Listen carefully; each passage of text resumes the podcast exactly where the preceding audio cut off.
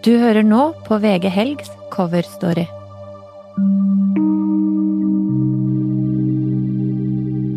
Min bestevenninne Massemorderen. En historie av Lilly Kalvø. Hvert år satt de ved siden av hverandre da Brooklyn-skolens klassebilde ble tatt. Lilly Kalvø, den blonde norsk-amerikanske jenta, og Jennifer San Marco, klassens mørkhårede skjønnhet med det strålende smilet. Lilly vokste opp og ble journalist. Jennifer ble massemorder. Hvordan kunne det skje? Hvert år satt de ved siden av hverandre da Brooklyn-skolens klassebilde ble tatt. Lilly Kalvø, den blonde norsk-amerikanske jenta, og Jennifer San Marco, klassens mørkhårede skjønnhet med det strålende smilet. Lilly vokste opp og ble journalist. Jennifer ble massemorder. Dette er Lilly Kalvøs historie om sin bestevenninne Jenny. Brooklyn 1971. Vi er ti unge år og forventningsfulle til fortsettelsen. I asfaltoasen vår, skolegården, spiller vi baseball og basketball, tuller og tøffer oss. I klasserommet pugger vi matte, fakta om amerikansk romfart og ord vi knapt vet betydningen av, som achieve, horizon, government. Hver morgen legger vi hånden på hjertet og avgir troskapsløftet til fedrelandet. I pledge allegiance to the flag of the United States of America and to the republic for which it stands, one nation under God, indivisible, with liberty and justice for all. Jenta med smilet ved siden av meg på klassebildet er Jennifer, hun som sto meg aller nærmest da vi begge vokste opp i Brooklyn og gikk sammen på Sunset Park School. Jeg kalte henne Jenny. Hvor ble det av all uskylden? Av 71 massedrap med skytevåpen i USA de siste 30 årene er bare ett begått av en enslig kvinne, min klassevenninne Jennifer San Marco, jenta med smilet. Goletta, 30. januar 2006. Den øredøvende metalliske lyden fanger Don Darlings oppmerksomhet. Sjåføren er på pauserommet som vender direkte ut mot parkeringsplassen ved postmottaket i 400 Stork Road. Klokka er fem på ni om kvelden. Et nytt smell. Darling går bort til vinduet for å sjekke. På parkeringsplassen ligger to kropper i to hurtigvoksende blodpøler. Øyet skifter raskt fokus fra bakken til den spede, kortklipte kvinnen som med bestemte skritt er på vei mot inngangsdøren. Hun møter blikket hans og smiler. En halvtime før skuddene møter politimannen Clay Turner sine kolleger Christopher Gottschall og Kenneth Rushing på restauranten El Opolo Loco til middag før jobbskiftet. Været er pent og temperaturen høy for årstiden. Turner har hatt en avslappende dag i Goletta. Byen ligger bare 13 kilometer vest for byen Santa Barbara, langs den idylliske kysten som er kjent som den amerikanske rivieraen. Alt ligger til rette for en rolig økt i kveld, tenker Turner, men før politimennene rekker å spise, blir bordfreden avlyst av en kode 3-radiomelding om skyting i postmottaket i 400 Stork Road. Bygningen er like stor som fire fotballbaner, og Turner vet at det er mange mennesker der, kanskje hundre, tenker han, og frykter et blodbad. Han løper fra bordet, kaster seg inn i politibilen, setter sirenene på og tråkker hardt på gassen. Bilen styrer han med kneet mens han prater i to telefoner samtidig.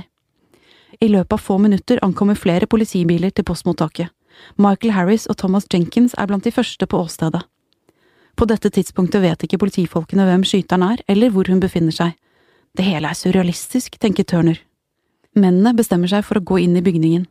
I en diamantformet formasjon beveger fire politifolk seg målrettet mot døren, bevæpnet med ladde rifler og tjenestevåpen. På veien oppdager de tre skuddofre. Mennene ser straks at en av dem er døde. Malika Higgins ligger på asfalten, midt i kjørebanen. Denne kvelden har spedbarnsmoren bestemt seg for å komme på jobb to timer før hun pleier. Det koster henne livet. Noen meter unna ligger Say Fairchild, like ved en parkert Acura med en åpen bakluke. Say har et skytehull på den venstre siden av hodet, og er så vidt i live. Nicola Grant blir funnet på fortauet, om lag ti meter fra inngangsdøren. 42-åringen er på vei hjem etter jobb da hun blir skutt tre ganger, i hodet, ansiktet og brystet. Fra tre meters hold kan politimennene se at hun er død. Inne i den 15 meter lange korridoren som går fra inngangen og videre inn til postmottaket, hører Clay Turner lyden av postsorteringsmaskiner og telefoner som ringer i ett. Politifolkene oppdager raskt Charlotte Ann Colton.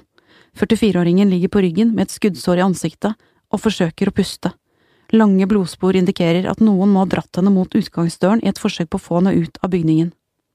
Turner ber radiosambandet om fire ambulanser og beordrer de bevæpnede mennene til å stå i en sirkel rundt henne inntil redningsmannskapet kommer.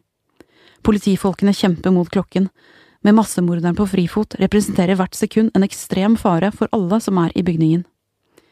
Lenger framme i det enorme lokalet ser politifolkene mennesker løpe i full panikk. De hører ingen skudd og bestemmer seg for å vente på SET og SWAT-styrkene, spesialteamene som skal komme inn. Skyteren kan være hvor som helst. Når skuddene smeller, står Michelle Marino ved arbeidsposten Age 8. Hun snur seg brått og får øye på en kvinne bare noen meter unna. Det er et kjent ansikt. Pistolen ser hun ikke før det er for sent å flykte. Hva er det du gjør, Jen? Jen! Du behøver ikke gjøre dette! Jennifer San Marco viser ingen nåde. Ansikt til ansikt retter hun pistolen mot Michelles hode og trykker på avtrekkeren. Det sier klikk. Michelle Marino dør ikke denne kvelden. Våpenmagasinet er tomt. Mens Jennifer gjør seg klar for å skyte igjen, løper Michelle for livet ut av bygningen og søker tilflukt. Den samme flaksen har ikke Guadalupe Swartz. Tobarnsmoren og enken blir drept med tre skudd. John Thayer står om lag seks meter fra henne og hører skuddene. Det første skuddet tenker han må være en pall som faller ned, det skjer ofte, men når han hører to–tre raske smell til, skjønner han at dette er lyden av skudd. Thayer snur seg raskt for å fortelle dette til kollegaen Dexter Shannon, da han legger merke til en liten dame som står rett ved Shannon. Shannon har ikke lagt merke til henne. Før Thayer rekker å si noe, skyter hun Dexter Shannon rett i hodet. Han faller umiddelbart ned med ansiktet mot gulvet. Mens han ligger nede, skyter hun igjen. John Thayer frykter at han skal bli neste mordoffer og løper for livet. Say Fairchild og Charlotte Ann Colton er begge kritisk skadd og blir kjørt til Santa Barbara Cottage Hospital. Say blir erklært død ved ankomsten. Charlottes tilstand er ustabil. Alt familien kan gjøre, er å be. To dager senere dør trebarnsmoren. Rundt halv elleve om kvelden inntar SWAT-teamet bygningen og smyger seg bortover catwalken, som er betegnelsen på etasjen rett over drapsåstedet. Her kan de se ned uten å bli sett fra gulvet i første etasje. De leter etter morderen og overlevende. En ansatt forteller dem at drapskvinnen er død. Klokken tre er det seks timer siden skuddene falt. Fem døde personer ligger fortsatt inne i bygget og ute på parkeringsplassen.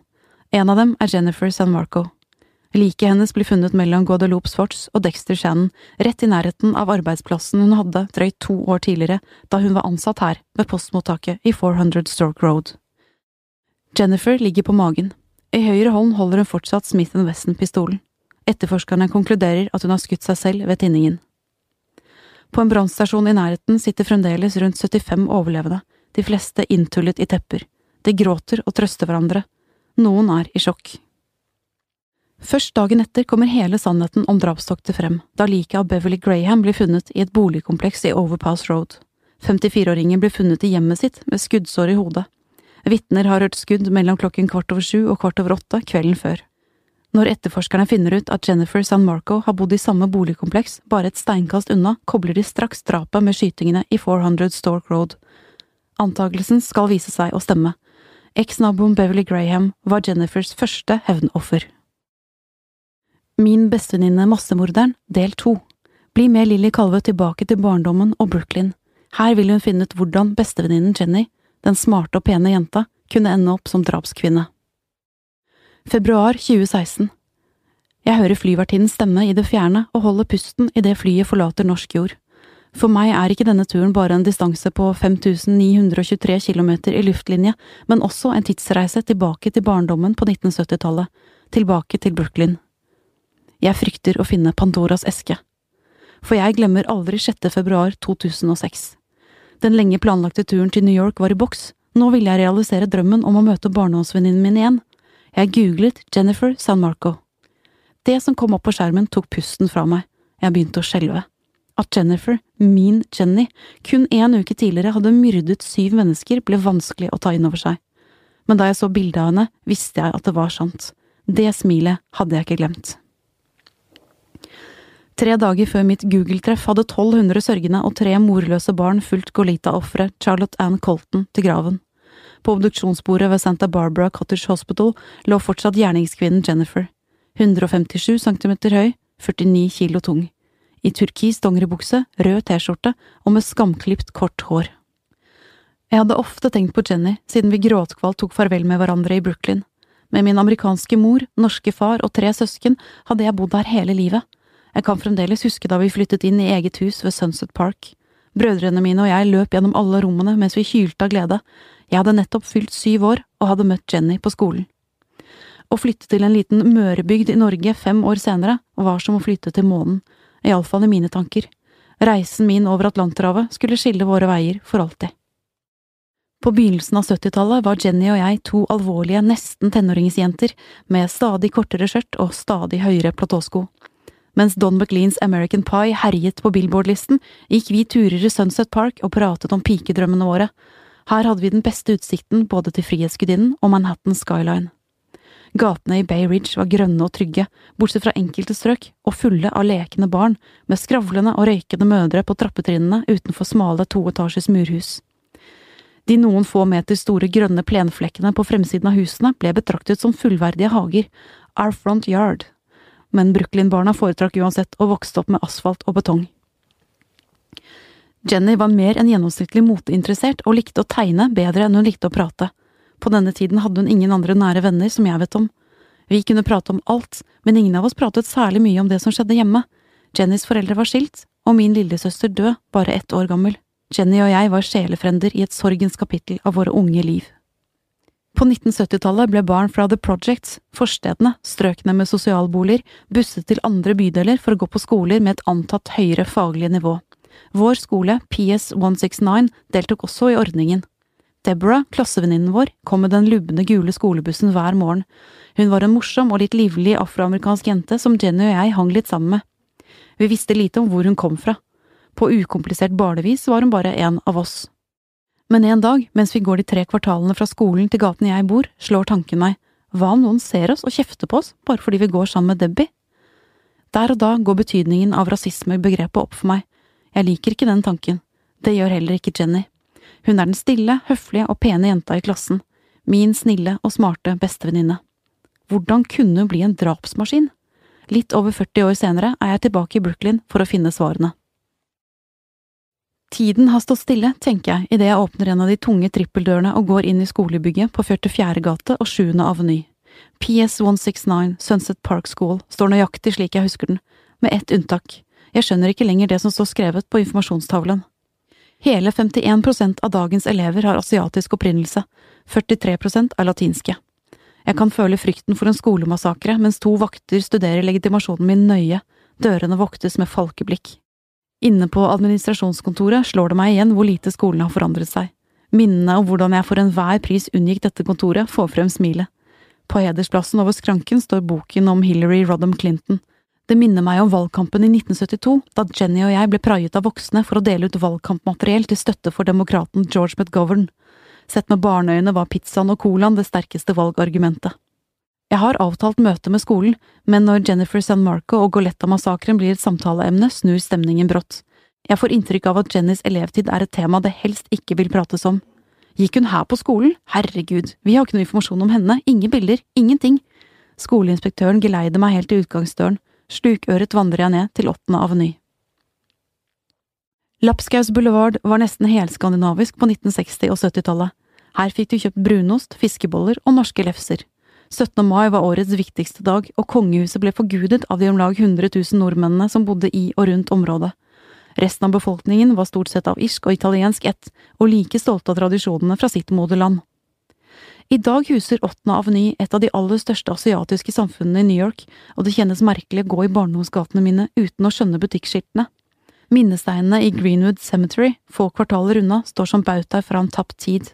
Fortsatt står det Nilsen, Olsen og Hansen på veldig mange av dem. Rett foran barndomshjemmet mitt, mellom sjette og sjuende aveny, møter jeg en eldre mann. Han bor i nabohuset. Hekkene er byttet ut med solide gjerder. Hvordan er det å bo her nå? Det gikk rett i dass etter at asiaten overtok, lyder det kontant. Svaret er vanskelig å fordøye. Etter massakren i Golata hevdet ekskolleger ved postmottaket at Jennifer, som arbeidet der fra 1997 til 2003, var rasistisk og gal. Det at skyteofrene i 2006 hadde afroamerikansk, kinesisk, filippinsk og latinsk opphav, ga grobunn til rasistteorien. Kan det etniske og kulturelle hamskiftet i Brooklyn ha påvirket henne? Jeg spør Tom Høeg. I 1975, etter at jeg hadde reist hjem til Norge, satt han ved siden av Jennifer i klasserommet på Andrew Hudd Junior High School. Samme år hadde familien hennes flyttet fra Sunset Park-strøket. Jeg hørte henne aldri si noe nedlatende eller rasistisk betont, det ville jeg heller ikke ha likt, svarer han. Jennifer var en nydelig jente, men veldig stille og sjenert. Hun hadde et herlig smil og god humoristisk sans, men det tok en god stund før hun viste den siden av seg selv. Jeg tenkte det var fordi hun var ny på skolen og her i nabolaget. Fortalte hun deg noensinne noe som kunne tyde på at hun hadde problemer i livet sitt, spør jeg. Nei, det gjorde hun ikke, og hun tenkte heller ikke i de baner. Avstanden mellom Sunset Park og det som ble San Marco-familiens nye bolig i Midwood er bare fem kilometer, men atskillig lenger unna i kultur og mentalitet. Midwood er et jødisk område med stor oppslutning rundt et ortodokst tankesett. Det bor også mange italienere her. Tenåringen Jennifer fikk et nært forhold til en italiensk gutt som var et par år eldre enn henne, opplyser Tom Haug. Det var tøft å svelge, jeg var jo så fascinert av henne, hun var pen, med en vennlig utstråling, forteller han. Haug kan ikke huske at 14-årige Jennifer hadde noen nære venner på denne tiden, hun gikk ofte alene i skolekorridorene. Michael Caskell var elev ved samme skole og husker henne omtrent på samme måte. Hun var veldig vakker og veldig stille, sa aldri noe i klassen, mens vi andre gikk uformelt kledd i jeans og T-skjorte, var hun bestandig så pent kledd. 1978-årboken fra Edward R. Murrow High School viser en ung kvinne med langt kastanjebrunt hår, mandelformede øyne og et forsiktig smil. Jennifers interesser er tegning og håndball, står det. Ikke noe annet. 17-åringen bor noen få kvartaler unna skolen. Medeleven Cheryl husker henne som høflig og vennlig. Det er veldig trist at det skulle ende slik, sier hun. Grants, New Mexico, 19. august 2005. Inn i Ace antikvitetsbutikk kommer Jennifer San Marco, med mord i tankene. Butikken ligger i nærheten av hjemmet hennes i den lille forstaden Milan. Her har hun bodd alene siden hun to år tidligere mistet jobben ved postmottaket i Goletta under høydramatiske omstendigheter. Paul Castillo betjener den magre kvinnen i 40-årene uten å spørre hva hun skal bruke pistolen til. Han legger ikke merke til noe uvanlig med henne. Jennifer velger en sort 9 mm Smith Wesson modell 915 og viser førerkortet for å dokumentere hvor hun er bosatt. New Mexico har en liberal våpenlovgivning. Det eneste som står mellom Jennifer og pistolen, er en lett bakgrunnssjekk. Med sirlige nei-svar i spørreskjema avviser hun å være kriminell, psykisk syk eller rusmisbruker. Etter tre dager er hun tilbake i butikken, betaler 325 dollar og legger pistolen i håndvesken. To uker senere skaffer hun seg fire esker med 115 grams ammunisjon. Hver eske inneholder 50 skudd. Omgitt av et goldt ørkenlandskap bruker Jennifer høsten sin til skuddtrening i bakgården utenfor huset. 18 uker etter våpenkjøpet setter hun seg i sin røde Nissan Frontier pickup truck for å kjøre tolv strake timer til solkysten i California, til Goletta. Fingerneglene er nylakkert, håret er klippet ned til ca. 1 centimeter.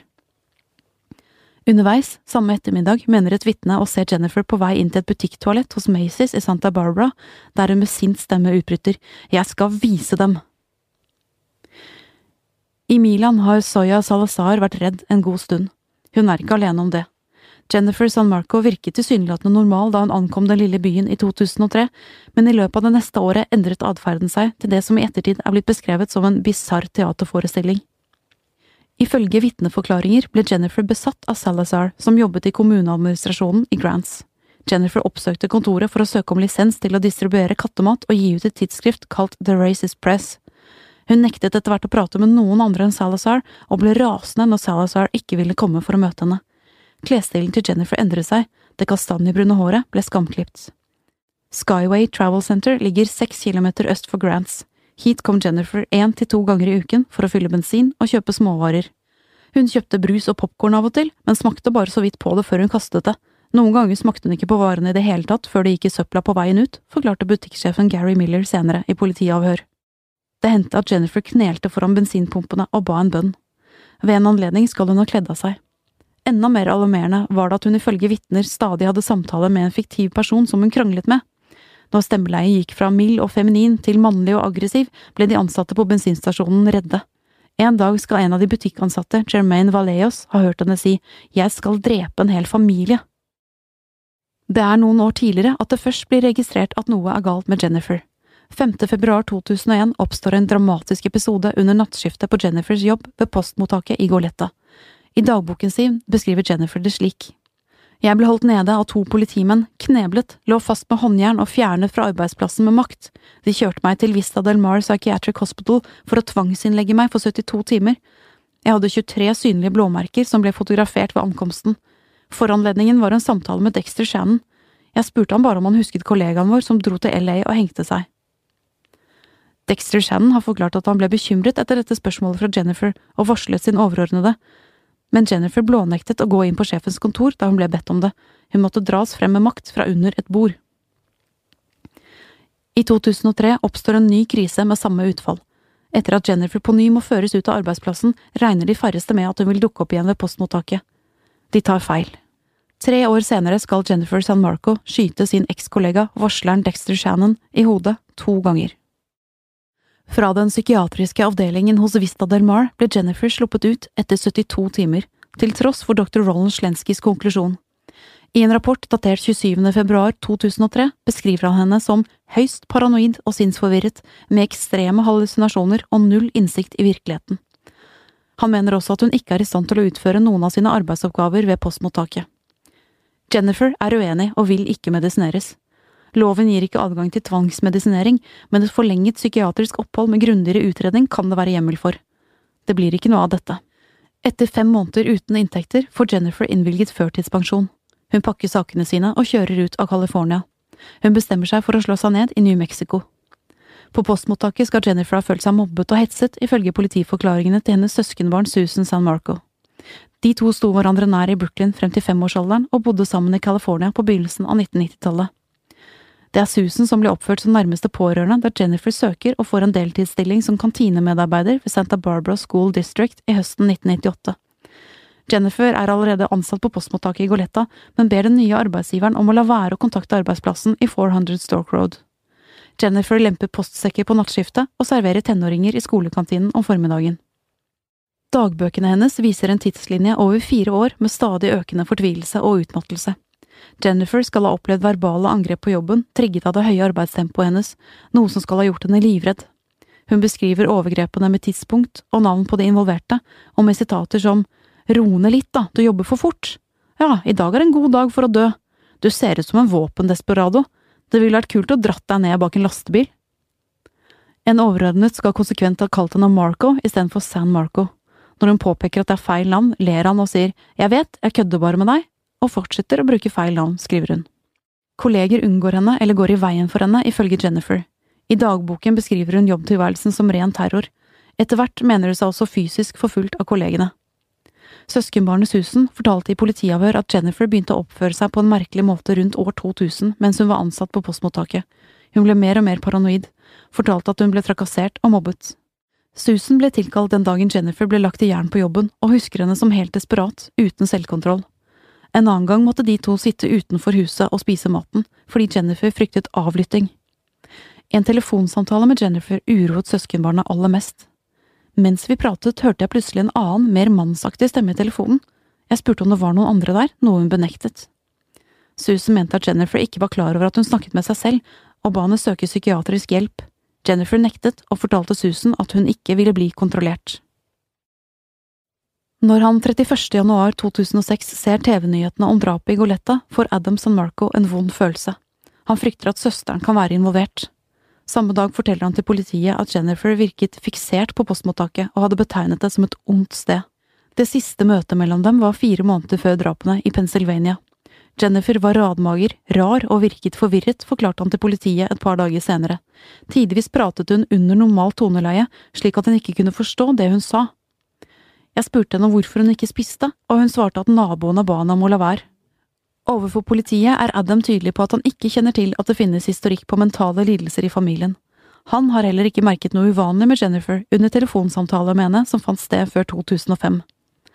Han mener at søsteren burde ha fått psykiatrisk hjelp, og tror at hun ville tatt imot behandlingen dersom hun var blitt tvangsinnlagt. Til den første politietterforskeren sier han, jeg skulle ønske hun bare hadde tatt sitt eget liv og ikke noen andres. Naboene i boligkomplekset i Overpass Road hadde også klaget på Jennifer, som sang The Beatles-melodier høylytt og pratet med seg selv. En av klagerne var Beverly Graham, hun som ble drept hjemme i leiligheten sin før Jennifer Sanmarco dro videre til postmottaket i 400 Stork Road. PS 169, skolen vår i Brooklyn, bringer frem så mange minner. Jeg stopper opp foran skolegården og ser for meg den Jenny jeg husker, min kjære, snille barndomsvenninne, den stillfarne jenta som ingen trodde kunne gjøre en flue fortred. Kontrasten mellom den hun var og drapsdesperadoen hun skulle bli, kunne ikke vært større, Hva skjedde egentlig i løpet av disse tre tiårene?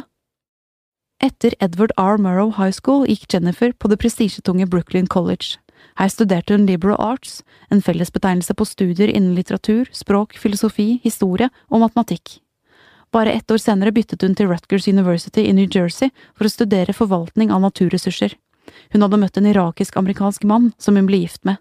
Ekteskapet ble kortvarig. Jennifer fullførte aldri universitetsstudiene. I 1990 valgte hun isteden å legge New York bak seg og flytte til California. Her begynte hun som fengselsbetjent. Ifølge Jennifers egen beskrivelse i en senere jobbsøknad gikk arbeidet ut på å veilede innsatte, opprettholde ro og orden og trygge området. Søskenbarnet Susan la merke til at hun bar uniform og våpen. De to bodde sammen i denne perioden. Men New York lokket stadig i det fjerne. I 1993 bestemte Jennifer seg for å flytte tilbake. I april året etter begynte hun som resepsjonist ved Sheraton Hotel i New Jersey. Her sto kundebehandling sentralt. Likevel, allerede i 1994, etter kun ett år på østkysten, reiste hun tilbake til solfylte California. I Santa Barbara fikk hun jobb på St. Vincents, et boligkompleks med behandlingsprogram for kriminelle tenåringsjenter på prøvetid. Her ble Jennifer i to år. Igjen hadde hun ansvaret for å sørge for ro og orden, samt å veilede jentene. Ifølge søskenbarnet forsøkte Jennifer seg også på en forretningsmodell med hjemmebakte hundekjeks. Noen år senere, i New Mexico i 2003, ville hun distribuere kattemat. I august 1997 begynte Jennifer San Marco på postmottaket i Goletta. Dette ble starten på slutten. Det er en lang karrierevei fra universitetet i New York til jobben på postmottaket. Jennifer hadde betrodde stillinger og gikk gjennom flere sikkerhetssjekker i løpet av 90-tallet. Hun hadde nære relasjoner til to menn, den ene ble ektemannen hennes. Det andre forholdet startet i 1997 og varte av og på i to og et halvt år, ifølge Jennifers dagbøker. Når og hvor gikk alt så galt? Rundt år 2000 kunne folk se at hun hadde begynt å prate med seg selv og synge høyt. På denne tiden jobbet hun nattskift på en støyfull maskinell arbeidsplass, og hadde også over en lengre tid hatt dagjobben i en skolekantine. I dagbøkene skrev hun at hun var utmattet og ikke fikk sove. Hun oppsøkte hypnoterapi i håp om å få slappe av. På denne tiden begynte hun også selv å tvile på sin egen atferd. For å unngå mumlingen tygget hun iherdig på tyggegummi, og hun spurte kolleger og overordnede om de opplevde noe rart ved henne. På nattjobben følte hun seg grovt trakassert og mobbet, etter hvert også forfulgt. Det viser seg at Jennifer sendte flere klagebrev om disse opplevelsene, men ingen av klagene hennes til postledelsen og myndighetene ga det resultatet hun ville ha. I et brev til personalkontoret for Postverket i mai 2003 skrev hun at hun var livredd og ville forlate Goletta umiddelbart. Hun søkte førtidspensjon av helsemessige årsaker som hun relaterte til trakassering og mobbing på arbeidsplassen og bomiljøet. Hun ville ikke medisineres, for det ville ikke løse problemet, skrev hun. The Racist Press, nyhetsbrevene som Jennifer utga i 2004, ga grobunn til en teori om at drapene i Goletta var rasistisk motivert. For meg skurrer dette veldig, for jeg hørte henne aldri gi uttrykk for rasistiske holdninger da vi var barn. Det gjorde heller ikke Tom Høeg, som kjente Jennifer da hun gikk på ungdomsskolen et par år senere. I nyhetsbrevene, som det finnes fem utgaver av, skrev Jennifer om samfunnsforfølgelse.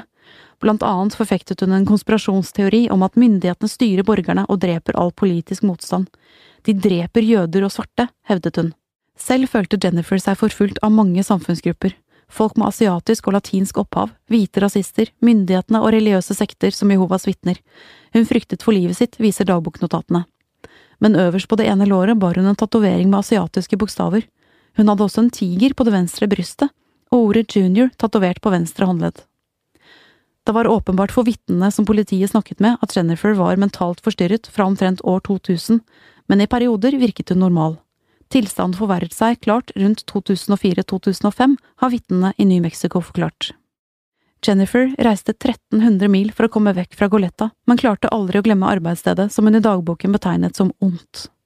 30. januar 2006, nesten tre år etter sluttdatoen, bestemte hun seg for å dra tilbake med en pistol. Beverly Graham, Say Fairchild, Malika Higgins, Nicola Grant, Charlotte Coleman, Guadeloupe Swatch og Dexter Shannon. De døde i drapsorgien på postmottaket den kvelden. De ble ofre simpelthen fordi de var hjemme eller på jobben da Jennifer med iskald presisjon fyrte av skuddene. Tilbake satt familiene og vennene i dyp sorg. Rettsmedisiner Daniel Calderon var på postmottaket drapskvelden og så det grufulle utfallet av skuddene på nært hold. Det ville være naivt å tro at vi kan gi familiene til drapsofrene svarene på alle de spørsmålene de har, for vi kommer aldri til å vite eller forstå hvorfor Jennifer San Marco valgte å drepe, sier Calderon i politirapporten. Jeg forlater skolegården og spaserer gjennom Sunset Park, den grønne oasen med utsikt til Manhattan som var lekeplassen vår. Jeg lurer på hvor Jennifer ble begravet, og om noen kom i begravelsen. Jeg har forsøkt å komme i kontakt med Susan, søskenbarnet hennes, og broren Adam uten å få respons. Ingen av de som kjente Jennifer forutså at hun var i stand til å begå vold eller drap ifølge vitneforklaringene, selv ikke de periodene da hun var mentalt forstyrret. Hun var en jeg aldri kunne forestille meg som drapskvinne, sier ungdomsskolevennen Tom Høeg. Han bor nå i Delmar, New York, og har skrevet en bok om barnemishandling og posttraumatisk stresslidelse. Det at nettopp Jennifer begikk disse drapene, viser at det samme kan skje med alle som blir utsatt for isolasjon og sosial utstøting, konkluderer han. Jeg, for min del, føler sjokk, men også sorg over skjebnen til Jenny, til tross for drapene hun begikk. For meg vil hun alltid være den som sto meg nær, i de aller viktigste barndomsårene. Du har nå hørt på VG Helgs coverstory, lest inn av Marte Spurkland, produsert av Magne Antonsen.